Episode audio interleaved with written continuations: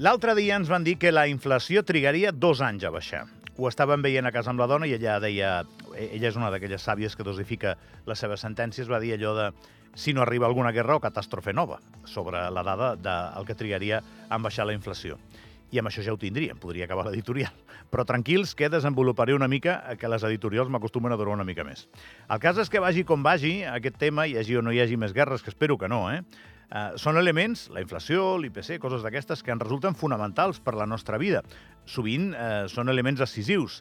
Tindrem una vida més o menys pròspera en funció d'aquests indicadors i tenim uh, nosaltres, les persones, ben poca incidència, per no dir que la tenim nula sobre això que ens cau a sobre com la pluja, més o menys, ens cau a sobre i ens cau a sobre.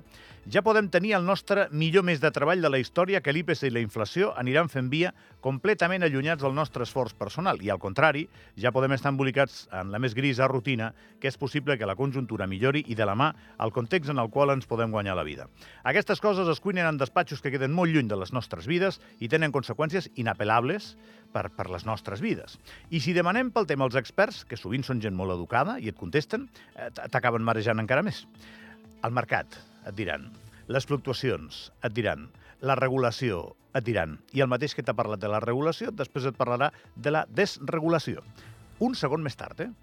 I així t'aniran bombardejant amb tot de termes que quan passis pel cinquè o sisè ja estaràs tan marejat que et rendiràs i aniràs cap a casa a sopar, mirar una estona a la tele, ficar-te al llit i l'endemà tornar-hi.